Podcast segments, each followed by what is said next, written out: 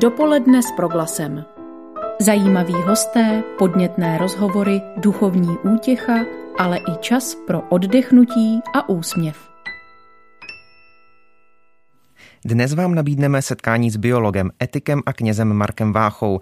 Uslyšíte také dominikána Benedikta Mohelníka, se kterým probereme nové nařízení apoštolské penitenciárie. Jak vypadá situace v Římě, to řekne redaktorka Radia Vatikán Johana Bronková a v závěru se po telefonu uslyšíme s manželi Václavem a Evou Hudečkovými. Hezký den a příjemný poslech přeje Ondřej Havlíček.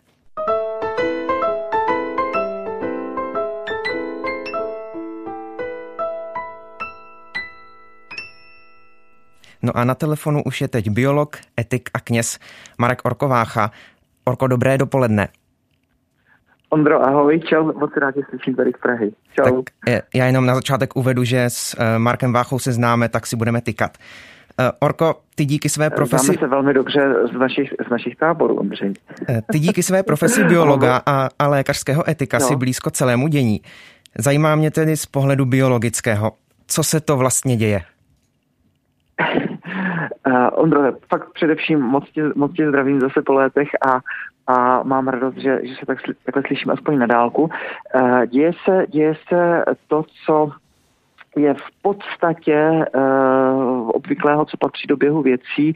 Není náhodou, že tady tyhle, tyhle záležitosti přichází z Ázie, protože vždycky ta Ázie je uh, centrem, odkud ty virové infekce přichází z toho důvodu, že lidé tam dodnes žijí ve velmi těsném blízkosti z uh, drůbeží a ze zvířaty, které taky konzumují, takže ten přeskok z toho přirozeného rezervoáru viru, což jsou třeba typicky kachny, nebo tady v tom našem případě COVID-19 netopíři, tak je, tak je v zásadě jednodušší než na jiných místech světa. To znamená, vždycky to jde z Evropy a měli jsme SARS, který šel taky z netopíru, taky z Ázie a teďka máme jeho blízkého příbuzného COVID-19. Tedy proč COVID-19? Coronavirus disease začalo to 2019, takže z tohoto důvodu. Takže vlastně se z pohledu epidemiologického vlastně neděje jako nic jako zásadně nečekaného. Bylo to očekávané v té epidemiologické komunitě? Ne, ne, ne, to se, to, se, to se prostě nedá očekávat, protože e, zaprvé zrovna tady ty koronaviry jsou viry, které mutují docela rychle a to jako nikdo nikdy není schopen uh, předpovědět, kdy to přeskočí na, na člověka. Takže tam se to dostává skutečně z těch, z těch netopírů na, na člověka. Nelze to předpovědět prostě v žádném případě. Dá se s tím, dá se s tím uh, potom uh, nějak bojovat. A vlastně to celé, co teďka probíhá v Evropě, to je jenom bitva o to, aby aby těch počet eh, těžce nemocných pacientů, kteří opravdu potřebují umělou plicní ventilaci, aby bylo vždycky méně, než je počet eh, lůžek na, na jípkách, tak intenzivní péče. Eh, jak je vidět, třeba Italům se to nepodařilo, Španělům se to nepodařilo, nám se to zdá se zatím daří. No, takže zatím se zdá, že u nás jako při vší té hrůze to, to není tak zlý. Daří se nám to i díky těm opatřením vlády a ústředního krizového štábu? Ano, ano, ano, ano, ano. E, e, víš, jako tady je, tady je to asi, že ví, ví všichni, ve srovnání s chřipkou tak eh, státní zdravotní ústav vydal, vydal docela jako hodnověrná čísla. U koronavirové infekce je 30 až 40 krát vyšší pravděpodobnost úmrtí než v tom u běžné chřipky. 30 až 40 krát vyšší. E, obecně ta takzvaná smrtnost je 0,5 až 2,8 e, Ty čísla jsou známá, Jižní Korea 0,5 a Itálie 2,8, takže spíš, spíš jsou rizikovou skupinou na rozdíl od chřipky seniori. Čím jsem starší, tím je to horší. A nejhorší je, pokud mám nějaké další jiné chronické onemocnění, třeba diabetes, vysoký krevní tlak anebo kardiovaskulární onemocnění. Takže jediné, co můžeme v tuhle chvíli dělat, když nemáme na to lék, tak je vlastně zpomalit to, aby ten virus se šířil v populaci a ty až jako drakonická nařízení vlády, že je vlastně všechno zakázáno, kina, divadla, koncerty, eh, tancování, sportovní události, všechno, tak se snaží jenom zpomalit to, aby aby eh, ta naše populace byla promořená a zdá se, že se to daří. Zdá se, že tohle byl krok správným směrem. A Taky se zdá, že se spolu s tou eh, vlnou zákazů a opatření zvedla velká vlna solidarity a dobrovolnictví do pomoci nemocným, kterých tedy přibývá a podle všeho nadále i přibývat bude. Byli zapojeni i medici. Pokud se nepletu, tato iniciativa vznikla právě na třetí lékařské fakultě, kde učíš i ty. Je toto zapojení mediků eh, konkrétním výsledkem? Pardon, No, no, no. Je, je tohle zapojení mediků právě konkrétním výsledkem výuky lékařské etiky? Dá se říct, že to, co učíte své studenty, se teď odrazilo ve společnosti a, a v nich samých?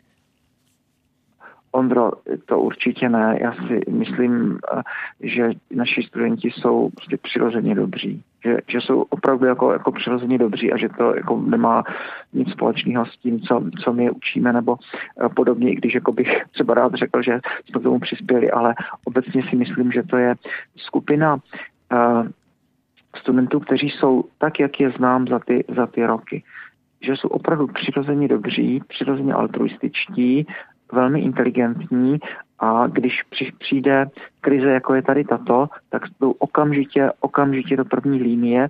Měli jsme akademický senát 10. března, kdy to vlastně celý ještě začínal. Si ještě vzpomínám, že jsem měl jít s naším společným kamarádem Vaškem Dolcem, s Lubošem Pospíšilem eh, večer na koncert a, a zrušili to od 6 hodin večer. A toho 10. března naši studenti eh, zorganizovali facebookovou skupinu, vyzvali všechny mediky, eh, kdo by se chtěli zapojit v nemocnicích a podobně. Do druhého dne jich měli prosím pěkně 2000. 2000. Ještě potom z různých fakult pak samozřejmě přidávali všechny ostatní fakulty a, a to je jedno, která fakulta byla, byla první fakt myslím, že první byla ta naše třetí lékařská, ale, ale věřím, že na, na všech ostatních fakultách medicíny vlastně spontánně uh, aniž by spolu měli kontakt, tak tady tahle jakoby jako hnutí, či jak to říct, jako vznikala, až ti medici opravdu jako, jako dneska v drtivé míře pomáhají, jak si, jak si kde se dá. Takže, takže nemyslím si, že to je kvůli tomu, že bychom něco říkali, ale prostě, že to jsou lidi, kteří eh, to umí. Samozřejmě ti čtvrtáci, pátáci už jsou eh, daleko lépe vybavení třeba než, než, než nebo stejně vybavení, řekněme, jak zdravotní sestry a ví toho mnohem víc už. A dokážou velice účinně pomoci a, a prostě jdou do té první linie. Tak to, to, je, to je naprosto skvělá zpráva pro celou naši republiku, že mládež jako taková, že, že prostě se zvedla obrovská vlna solidarity a nejsou to jenom studenti medicíny.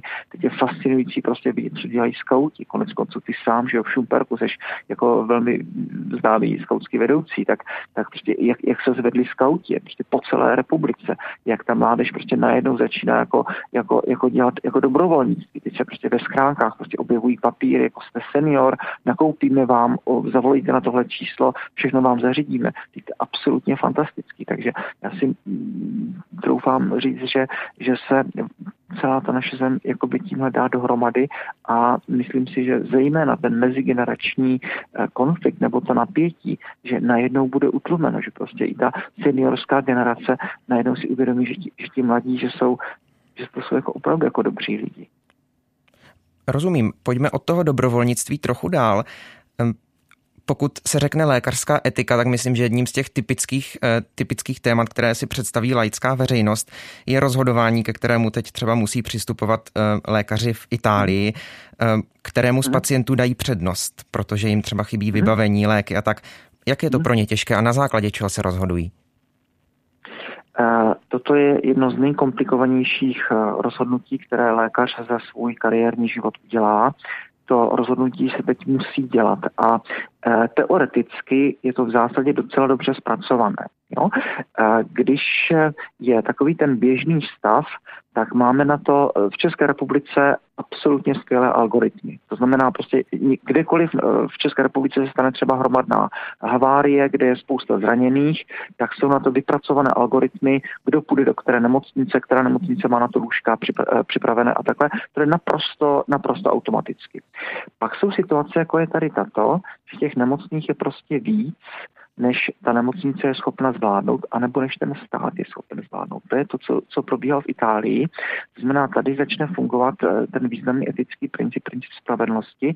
A když to mám říct takhle krátce, tak eh, v podstatě ty si musíš vybrat, kterého toho pacienta budeš ošetřovat a kterého ne. Jo?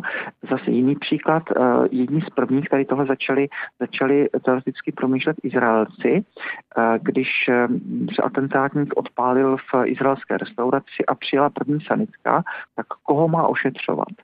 A rozhodli se, že budou naprosto pragmaticky, utilitaristicky ošetřovat ty středně zraněné, protože ti lehce zranění ti přežijí a u těch těžce zraněných do nich by museli investovat velké množství času a třeba i vozového materiálu, kterého v tu chvíli mají málo a byl by tam nejistý výsledek. Raději budou ošetřovat i středně zraněné, které určitě zachovají v životě, nebude jim to uh, tolik trvat. To znamená, uh, je to opravdu otázka času a výkonu, to znamená tak, abychom s tím, co máme po ruce, zachránili co možná nejvíc životu.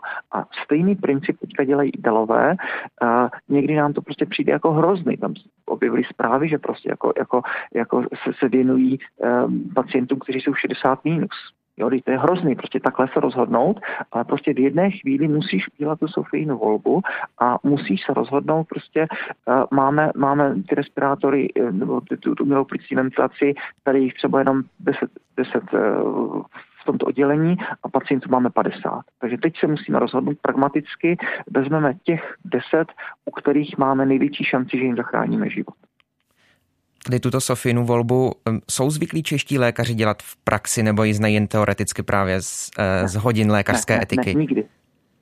Ne, ne, ne, nikdy, nikdy, protože uh, to české zdravotnictví je na velmi vysoké úrovni to, to je potřeba říct, že jako my jsme na tom velmi dobře, jak co se týče znalostí, tak co se týče i technického vybavení a jako dovedností těch, těch, těch lékařů.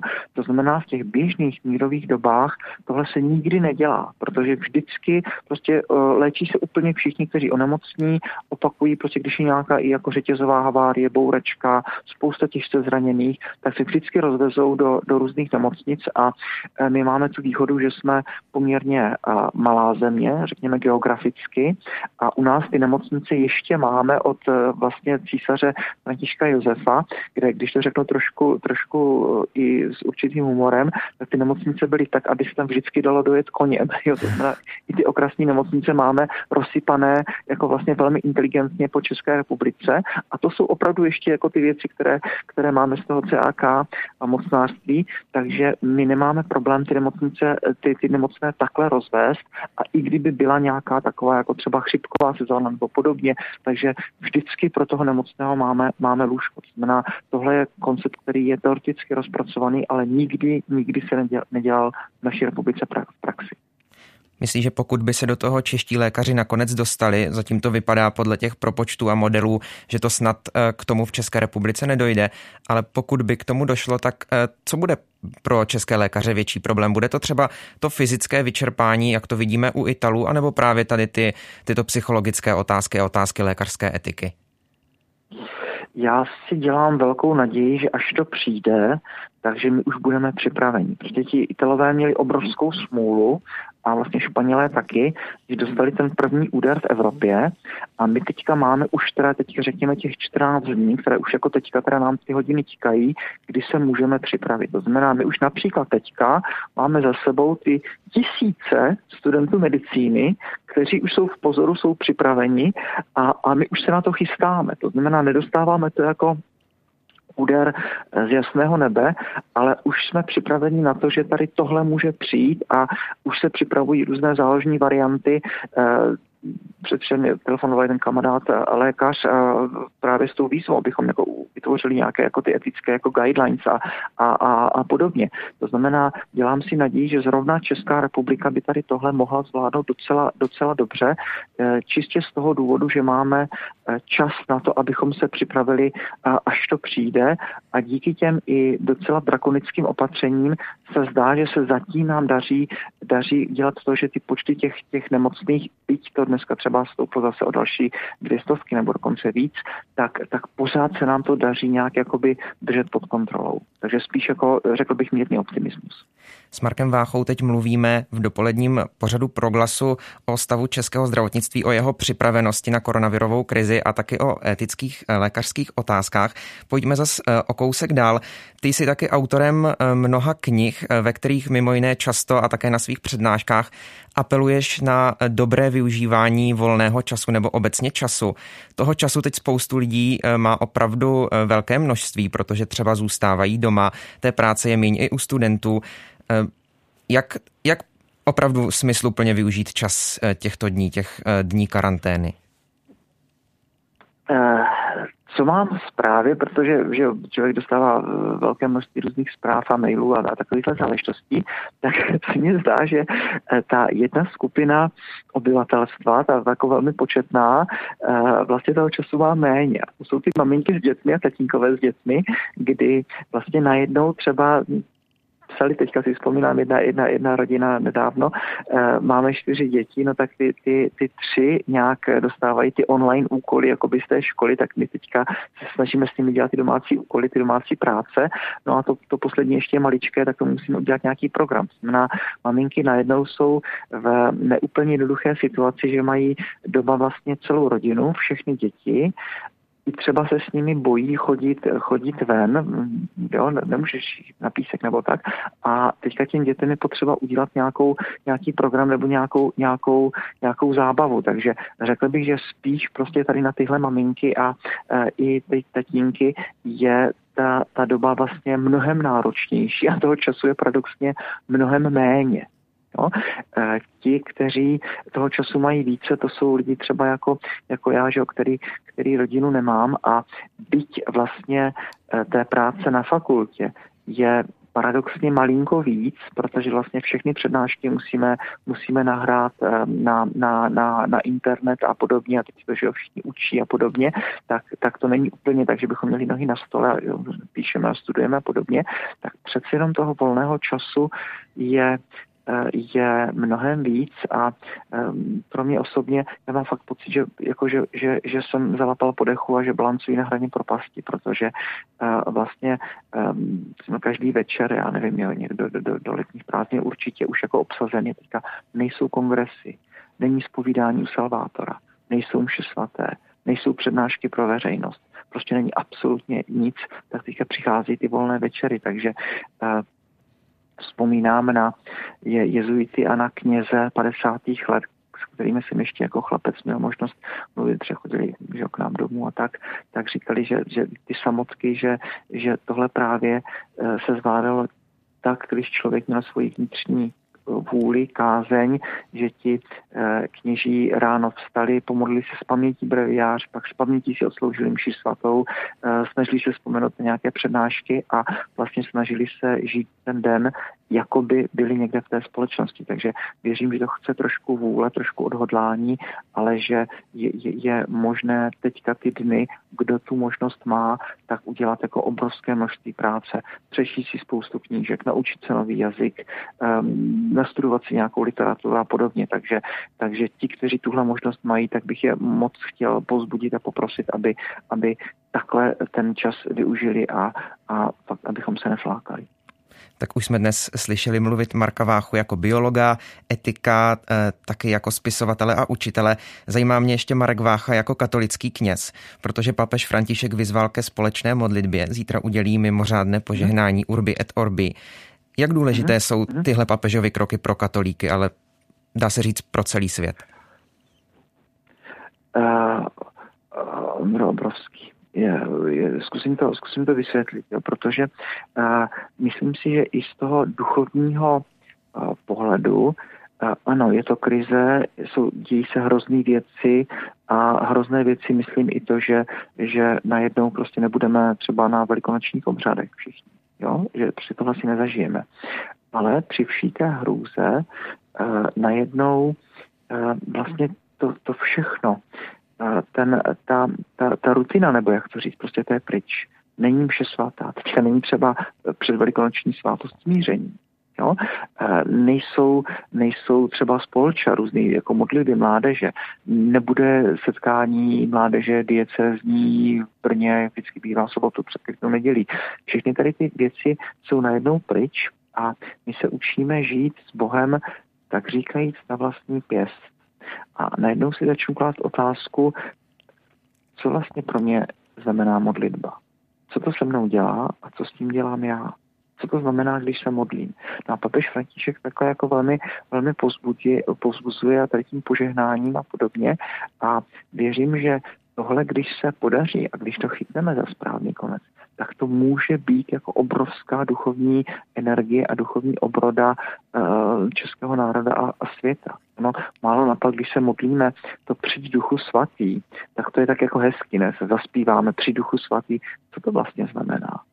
Při duchu svatý znamená to uh, zavání zavěj, zatře s námi, zbav nás stereotypů, uh, trošku nás jako pro, prober, chytí nás za límec a, a, a, a podobně. Takže já si myslím, že tady tohle se zrovna děje a že že krize je šance, že, že tohle, když se podaří, tak, tak budeme mít obrovský zážitek tady na, na, na letošní Velikonoce a, a um, jak to říct, na papež je v tom s námi a věřím, že Bůh je v tom taky s námi říká Marek Orkovácha, který byl naším hostem ve vysílání Proglasu. Orko, díky a doufejme, že brzy zase naslyšenou. Ondro, díky taky, pozdravím moc do Brna a mějte se moc hezky a prosím tě pozdraví celé, celé redakci Proglasu. Budeme. Naslyšenou. Dopoledne s Proglasem. V pátek 20. března vydala apoštolská penitenciárie dekret o udílení mimořádných odpustků věřícím v situaci současné pandemie. Co konkrétně tento dekret přináší, nám teď přiblíží teolog Benedikt Mohelník z Dominikánského řádu. Dobré dopoledne. Dobré dopoledne. V tom dekretu se mluví o zvláštních plnomocných odpustcích, které mohou získat lidé s koronavirem, ošetřující a také ti, kdo se za ně modlí. Můžete nám konkrétně vysvětlit, co tento dekret stanovuje? Tak ještě než se dostaneme k tomu dekretu, tak bych rád poděkoval Rádiu jak provází své posluchače v těchto svízelných dnech. A celý ten dekret eh, je vlastně to vyjádření a duchovní eh.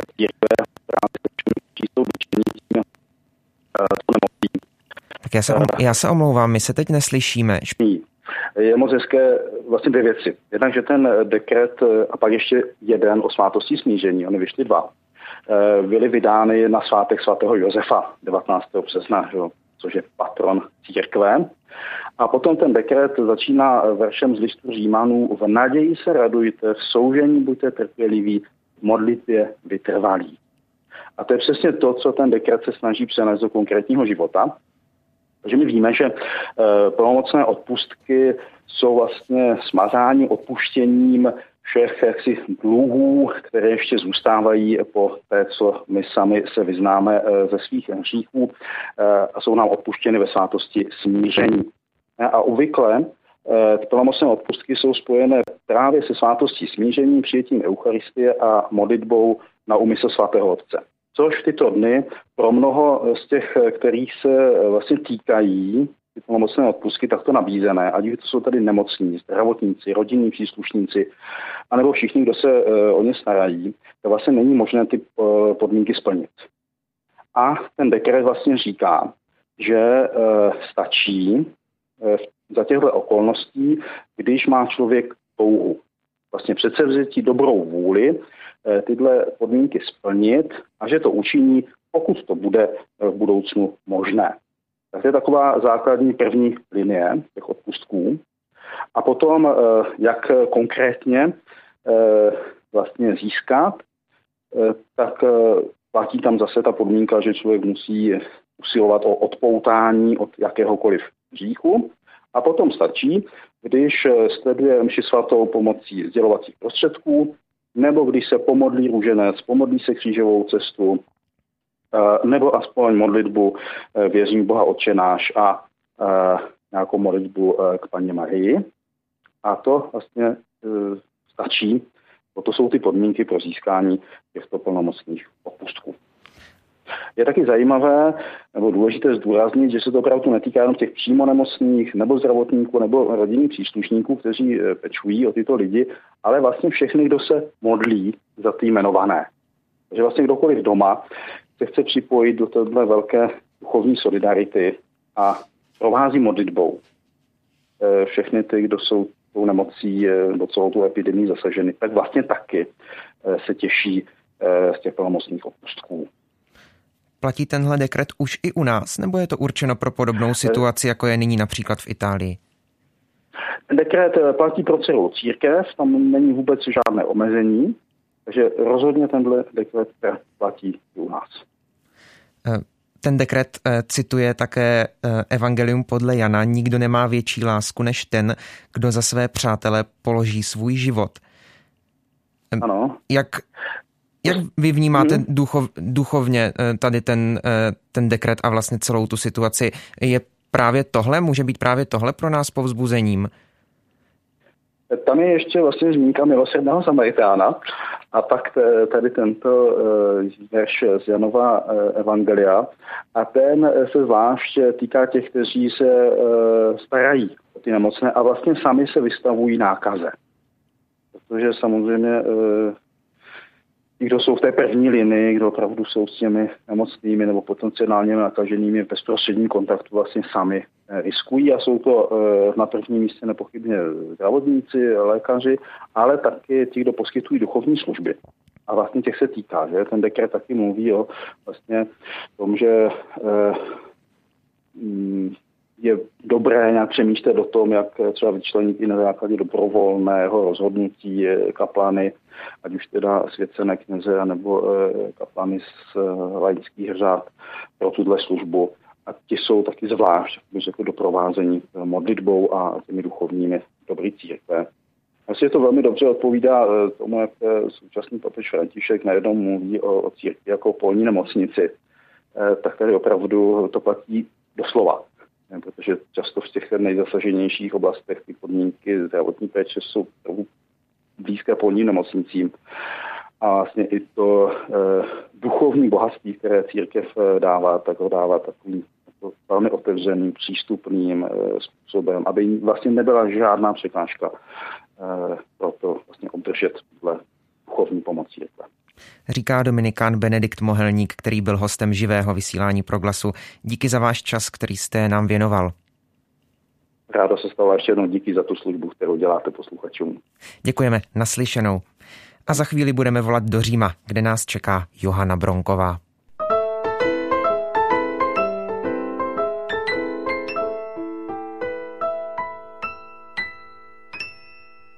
Včerejší modlitba odčenáš, ke které vyzval papež František, nebo zítřejší mimořádné požehnání Urbi et Orbi.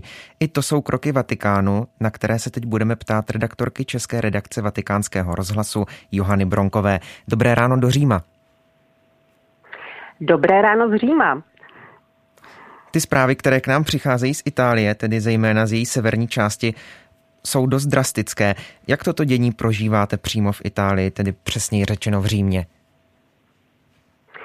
Já si myslím, že asi podobně jako v Čechách, s jistou dávkou úzkosti, násobenou tím, že, že víme, jak velmi pospolitý národ jsou Italové, Italové, jak silné jsou tu rodinné vazby a představa, že někdo blízký našich sousedů, protože na bohatém severu má příbuzného, kde kdo umírá někde sám a setkává se jen s latexem a plexisklem, bez rodiny, bez kněze, odkázaný na základní pozornost přepracovaného lékařského personálu, je opravdu skličující. Nemluvě už o zákazu pohřbu a dalších veskrze lidských věcí. A jak se ta situace podepisuje na psychice Italů? Jak to snášejí třeba zejména starší lidé, ti nejohroženější? No právě, jak to snášejí ti staří. Mluvil jsem o tom už do různých médií, i těch, která by tuhle otázku nepoložila protože mi je opravdu nesmírně líto těch, kdo tráví celé dny před televizní obrazovkou a jsou masírováni tím monotematicky zaměřeným zpravodajství. To je na depresi a zbláznění, kdyby to všechno bylo vymyšlené. A e, kromě toho e, si myslím, že možná, že v Čechách e, je to ještě specifičtější, možná, že na Čechy to může doléhat ještě víc, protože naším specifikem asi je že hlasatelé a politici se objevují před kamerou s rouškou přes pusu. Snad, aby každý věděl, v čem je naše záchrana, nebo jak to myslí. Ale mně se líbil moc jeden vtip, který tu koluje. a kde se říkalo, nevěřte všemu, co říká ministerstvo zdravotnictví. Tvrdili mi, že stačí vzít si rukavice a roušku a může jít ven. A já jsem to zkusil a všichni ostatní měli i košily a kalhoty. Takže já si myslím, že toto je dost výmluvné. Nesmíme ano. zapomínat, zejména jsme-li křesťané, že naše záchrana je opravdu jinde. A vždycky, když nám někdo bude tvrdit, že jí přináší právě on, je to, myslím, důvod k pochybnosti a ke skepsi. Jsou i v Itálii naopak média, která nabízí ten pozitivní pohled. V České republice teď máme zkušenost třeba s českou televizí, která spustila nový kanál pro seniory. Je něco takového i, i v Itálii?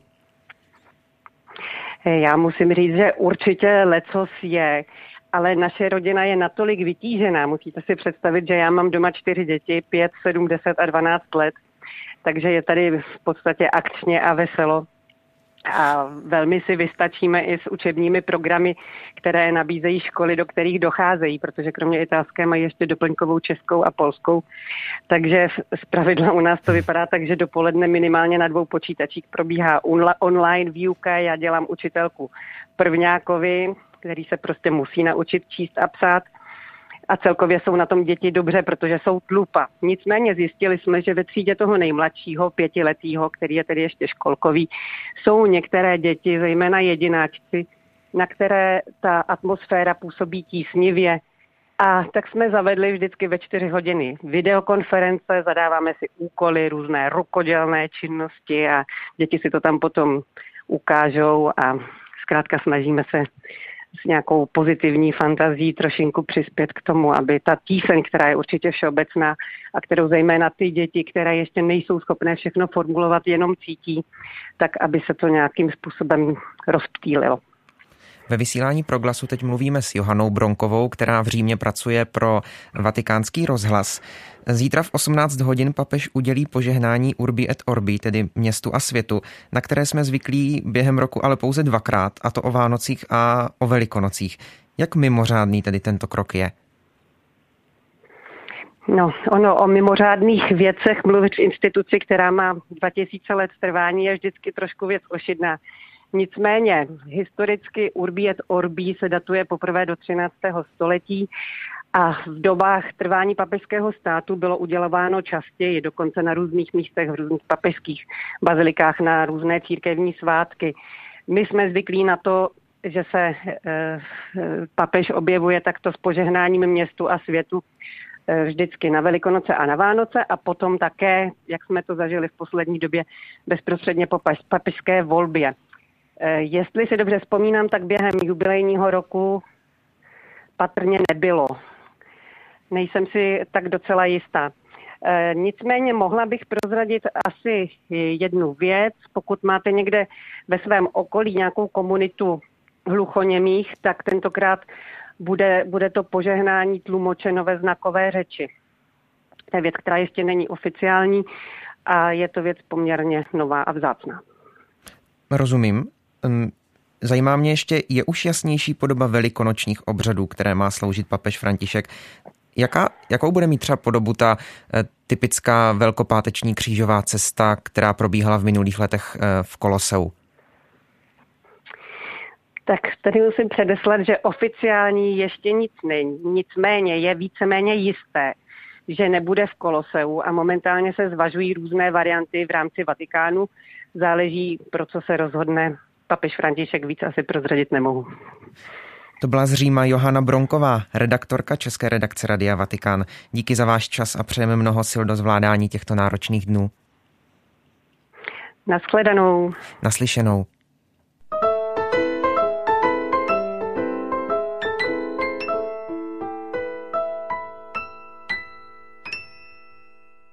Ještě stále posloucháte dopoledne s proglasem. Když se řekne Václav Hudeček, z pravidla už není třeba nic dalšího dodávat. Ale já přeci jen dodám, že jde o našeho vynikajícího houslistu. A když se řekne Eva Hudečková, tak se nám vybaví úspěšná herečka a dnes i spisovatelka. Tento manželský pár teď bude hostem v našem vysílání. Nejdřív zdravím pana Hudečka. Dobrý den. Dobrý den, zdravím vás i vaše posluchače. Pane Hudečku, i vás zasáhl mimořádný stav, který u nás panuje. Předevčírem se měl konat koncert vašeho cyklu Svátky hudby v Praze, na kterém jste měl vystoupit spolu s houslistkou Marí Hasoňovou a klavíristou Ivanem Klánským. Tak o co posluchači přišli? Co bylo na programu? Ano, já vás jenom uh, opravím s Lukášem Klánským. Ivan, Ivan Klánský je jeho otec a tam ah, na tom pardon. koncertu měl, měl hrát uh, měl tam hrát Lukáš Klánský, který ho teď nejčastěji spolupracují. No, je nám to samozřejmě líto, my, my ten koncert zatím máme náhradní termín 2. června, tak dáli Bůh už se budou koncerty konat, protože jinak bychom to asi museli odříct celé a dát to přeložit to na příští sezonu. No mělo to být právě ten koncert, já vám ani nemůžu říct, co tam všecko mělo být, protože to byl koncert překvapení a tím pádem já o, o tomhle konkrétním koncertu nemohu mluvit, jenom ty, ty účinkující a vlastně ani všechny ty účinkující nemůžeme zmínit, protože to souvisí s tím překvapením. Tak se vám moc omlouvám, protože já pořád pevně věřím, že v tom červnu ten koncept bude a že to překvapení bude pro ty naše abonenty, kteří tam při, přijdou a kteří si koupili, koupili vstupenky a máme to samozřejmě jako všechny naše koncerty svátku hudby vyprodané, takže doufám, že mě odpustíte, že to tajemství neprozradí. Rozhodně odpouštím. Zajímá mě, kolik námahy eh, stojí za takovým koncertem, za přípravou se na takový koncert?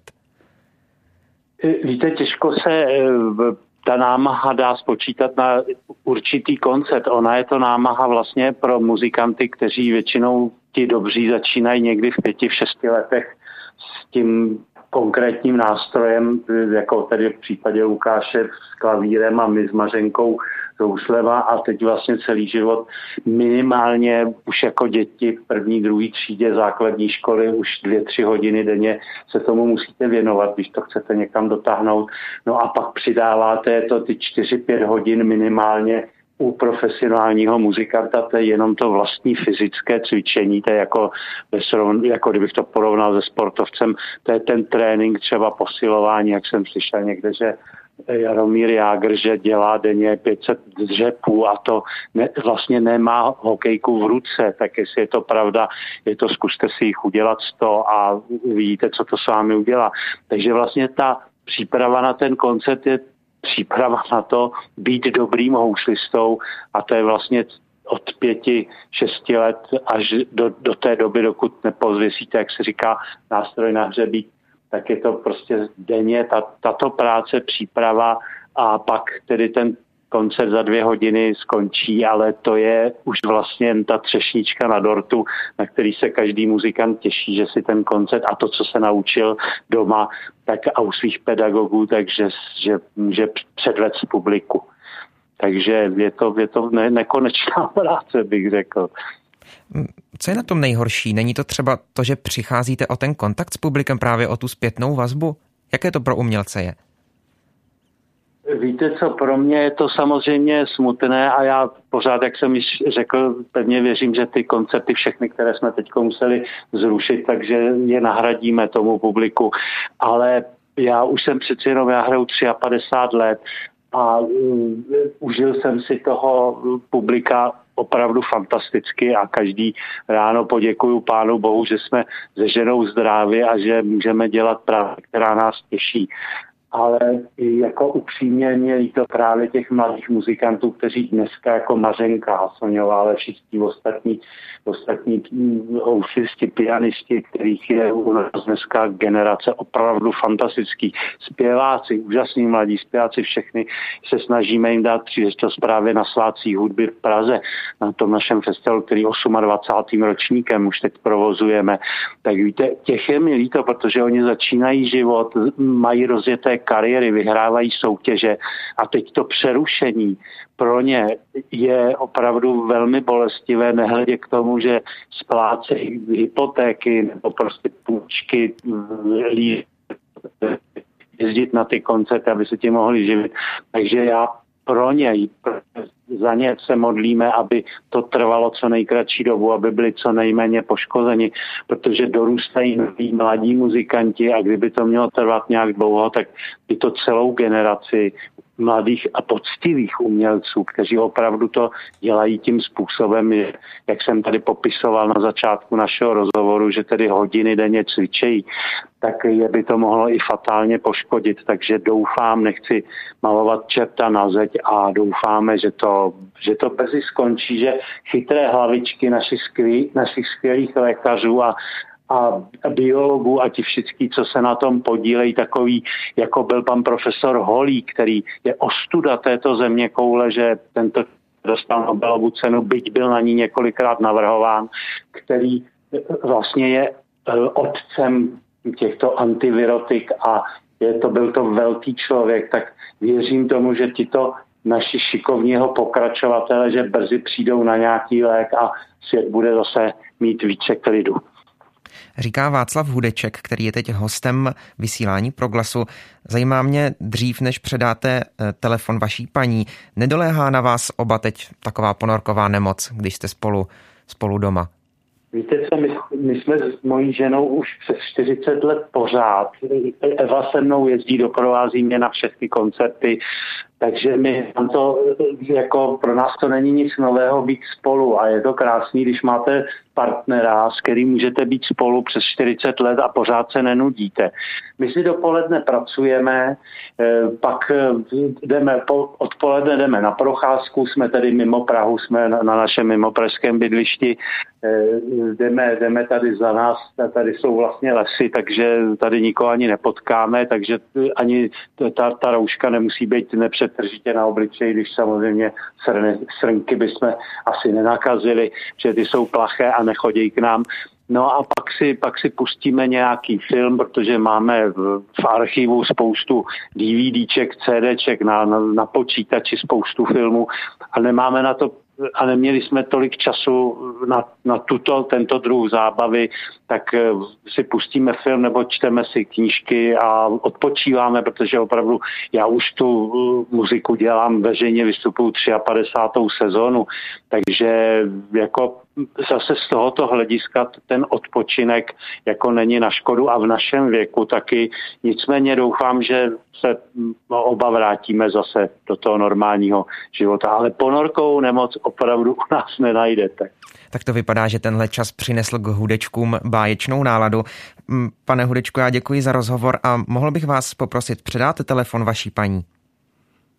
Já bych jenom řekl, no báječnou nemáme kvůli právě těm našim mladým muzikantům a, a rodině a všem, všem těm lidem, kteří, kterým chci hluboce se poklonit, kteří zajišťují, že ta naše země funguje a že prostě všechno máme k tomu, abychom mohli důstojně žít. Takže prostě hl, hluboký eh, přes eh, od lékařů přes popeláře, eh, řidiče tramvaj, všem, všem díky, díky vám a těšíme se, až vám budeme moc zahrát a předávám vám ženu a vš- vám všem v rádiu Proglas taky hodně zdravíčka hlavně.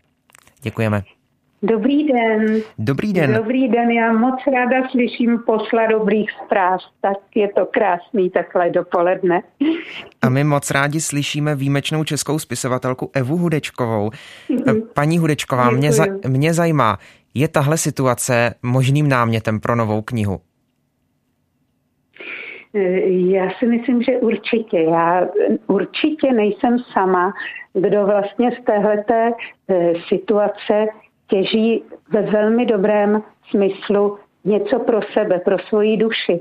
Protože eh, vlastně ta izolace, to, že jste nucený zabývat se důležitými věcmi vašeho nitra, na které vlastně v tom běžném vystresovaném provozu vůbec není čas, tak si myslím, že je to velmi přínosné a že je to očista. Eh, Japonci říkají takovou krásnou věc, říkají napřed péče, potom lék. A eh, tohle určitě mě vede k úvaze, že člověk může udělat tolik krásných a důležitých věcí pro jiného člověka, že třeba k tomu léku ani nemusí dojít. A tohle, ta těšina, kterou jsme teďka obklopeni, ta nám vlastně nás vybízí k těmhle úvahám. Vybízí nás k tomu, abychom ze sebou něco udělali ze, ze svojí odpovědností, ze svojí vstřícností, láskyplností, ale taky se svým sobectvím a ze svojí lhostejností. je to, myslím, velká výzva a to je určitě nejen pro každého autora nebo muzikanta, ale pro každého člověka. Je to čas úvah, které by měly vést k, nějaké, k nějakému polepšení. Paní Hudečková, ve vaší tvorbě převažují pohádky. Vítězí v pohádkách většinou dobro nad zlem, tak zvítězí dobro nad zlem i tentokrát. Já jsem o tom přesvědčená. Já, i když ty pohádky, já je e, vlastně směřuju i na dospělé, protože já si myslím, že nejen děti a speciálně děti v ohroženém věku e, té puberty, pro které já píšu, protože tam si myslím, že se rozhoduje o jejich životě a že ta cesta tam může být velmi špatně nakročená, když ty děti nemají vhodné podmínky k tomu, aby správně vyšly a aby se staly dobrými lidmi, aby byli plní naděje a tvořivosti, protože vlastně každá ta cestná zkušenost eh, pro ně může být eh, tragická, anebo je třeba jenom na pár let zastaví, aby se dostali tam, eh, kam chtěli. Takže já samozřejmě jsem plná naděje, že všechno dobře dopadne, když si jeden druhému budeme navzájem pomáhat. Víte, že ten, ta vzájemnost to není o loktech ani o kalkulacích, to je o vstřícnosti, o láskyplnosti. A opravdu daří se, když jsou podmínky, daří se kytičkám, když jsou podmínky, daří se stromům, když jsou podmínky, kde se sejde skvělý kolektiv, dochází se k, k úžasným výzkumům a k úžasným objevům. A myslím si, že se dá tímhle způsobem bojovat i s nesnázemi v rodinách, s nesnázemi ve vztazích a že je to jediná cesta, ta cesta lásky, vede k naději, že všechno bude mnohem, mnohem lepší. Ve vysílání proglasu teď myslím nejednomu z našich posluchačů vyla novou naději a krev dožil eh, paní Eva Hudečková a taky její manžel Václav. Děkuji moc za váš čas a ochotu a přejeme mnoho dobrého a hlavně pevné zdraví do těchto časů. Já vám taky děkuji a ať vám tenhle čas přinese jen vše dobré. Mějte se krásně a těšíme se na vás. Naslyšenou. Nashledanou. To je všechno, co jsme vám v této hodině chtěli nabídnout. Jsme s vámi, tak zůstaňte s námi i v následujícím čase. Za pozornost děkuje Ondřej Havlíček. Loučím se i za všechny, kdo dnešní vysílání připravili. Hezký den. Dopoledne s proglasem. Každý všední den mezi devátou a desátou jsme v tom s vámi už 25 let.